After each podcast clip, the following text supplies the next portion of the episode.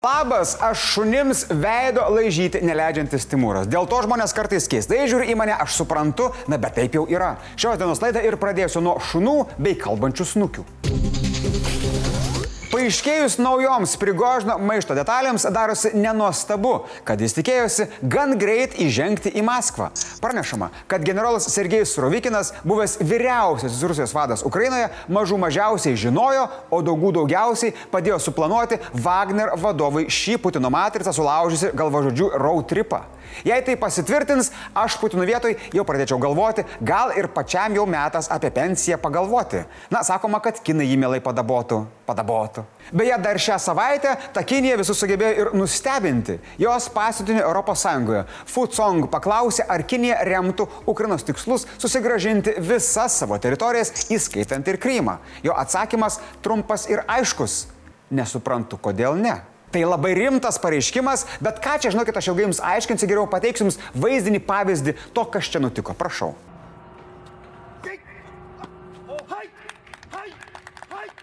Na, o Rusija ir toliau ilgina sąrašą, kodėl šis kung fu veiksmas jai turėtų būti daromas dar stipriau ir dar ilgiau. Rašistai vakar vakare raketomis apšaudė Kramatorską. Viena iš raketų pataikė į maitinimo įstaigą. Šiandien žuvusiųjų skaičius jau pasiekė 10, tarp jų 3 vaikai, sužeistųjų daugiau nei 50. Dar apšaudė ir iranietiškais bepiločiais. Sprogimų buvo ir laikinai okupuotose teritorijose. Melitopolio gyventojai girdėjo mažiausiai 6 sprogimus.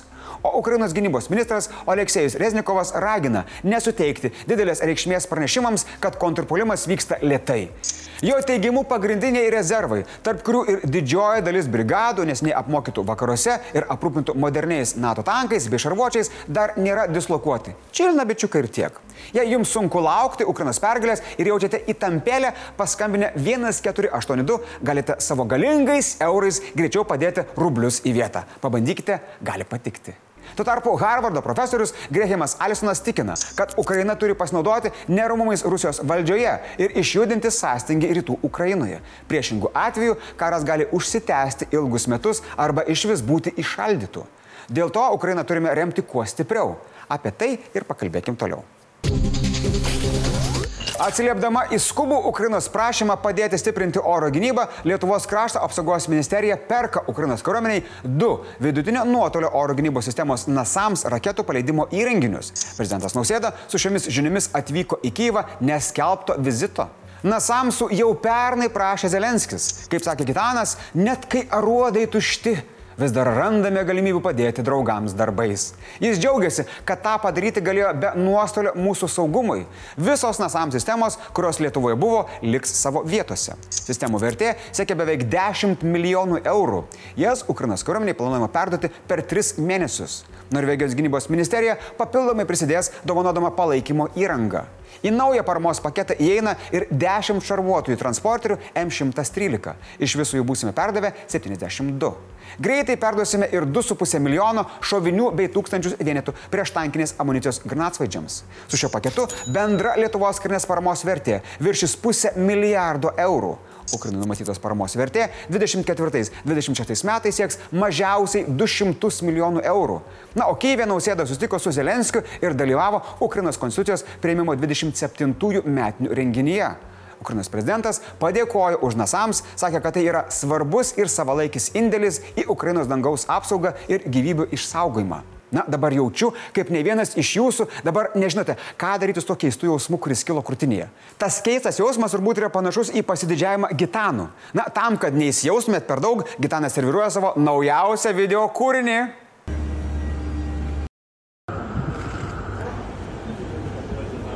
Palaukit ir aš pabandysiu.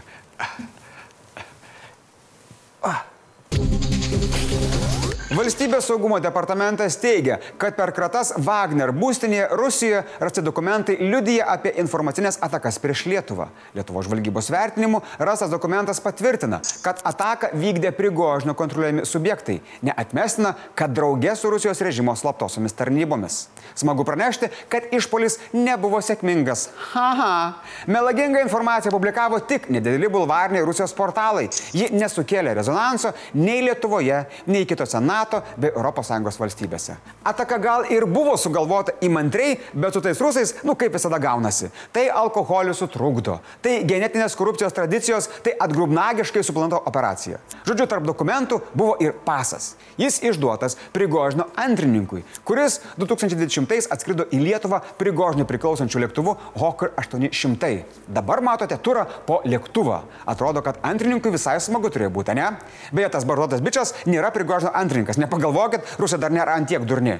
Tai pirmą kartą antrininkas iš Rusijos į Vilnių atskrido 20 vasario 13 dieną. Jis nuvyko prie susisiekimo ministerijos, nusifotografavo ir išvyko atgal. Lietuvoje praleido vos 5,5 valandos. Na, iškart matosi, kad fejkas, nes visai ne pagal slaviškas Vilniaus lankymo tradicijas. Nei į Akrą nuvarė, nei iki Eskukuliukų valgė, vandens pramogų parke nesitaškė, mašinas per dvi vietas irgi nepriparkavo. Nu, molis nors tu ką. Negana to, vasario 26 dieną jis nuotrauką pasidarė prie Seimo, nacionalinio muziejaus ir valdovų rūmų, o tada išvyko į Baltarusiją.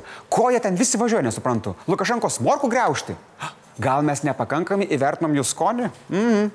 Svarbiausia, kad tarp rusų bulvariniai portalai bandė parodyti Schengeno erdvės pažeidžiamumą, kursyti nepasikeimą mūsų institucijomis, todėl skelbė, kad oligarchas ir Wagner savininkas pasimatė su susikimo ministerijos atstovu, įtakingais valstybės tarnautojais ir Lietuvos verslo įmonių vadovais.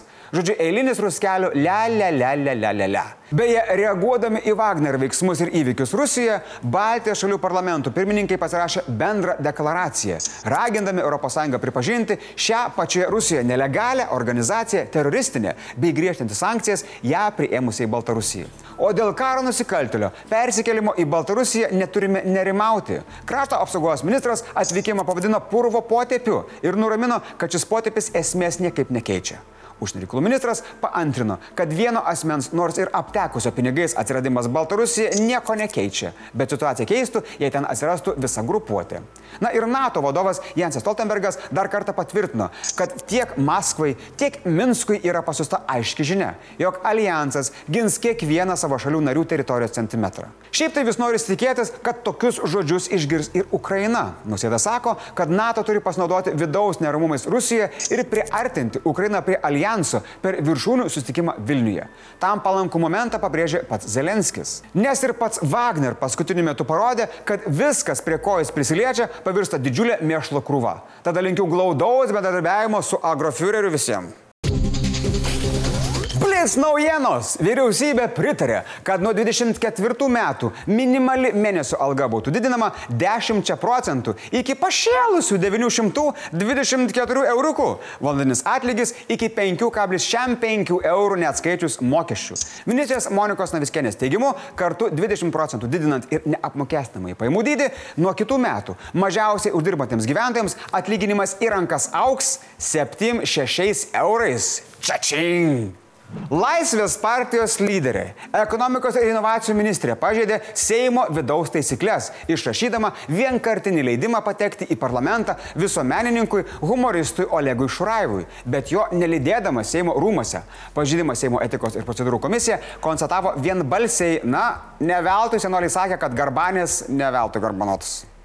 Sprendimas ar pradėti parlamentinį tyrimą dėl pranešėjo skundo apie VSD veiksmus tikrinant tuo metu prezidento rinkimuose kandidatavusio nausėdos aplinką keliasi į rudenį. NSGK vadovas Laurinas Kaščiūnas sako, kad yra skirtingi vertinimai tarp politinių jėgų, kad galutinai rastų atsakymus ir į prokuratūros klausimus. Beje, klausimas Seime vėl iškeltas po to, kai prokuratūra konstatavo, jog pranešimas buvo išnagrinėtas netinkamai. Seimo aplinkos apsaugos komitetas pristabdė naktinių taikiklių įteisinimą medžiojant laukinius žvėris. Pertrauką siūlyta padaryti, kol bus parengti ir registruoti kiti su to susiję teisės aktų pakeitimai. Tad ketvirtadienį Seimas negalės balsuoti dėl šių pataisų, kurios suskaldė dvikojų visuomenę. Kiek žinau, visi keturkojo yra griežtai prieš. Draugai, šiandien komentaruose noriu dar vieno fantazijos festivalio. Kadangi matom, jog Gitanas Nausėda labai mėgsta šmaikščius video kurti, prašau padarykime komentaruose didžiulį idėjų aruodą naujiems Gitano video challenge'ams. Važiuojam vyrai ir moteris nestabdom. Beje, vyrai slėpkite savo drauges, dukras ir žmonas. Šis kavalierius ateina jų pasiimti.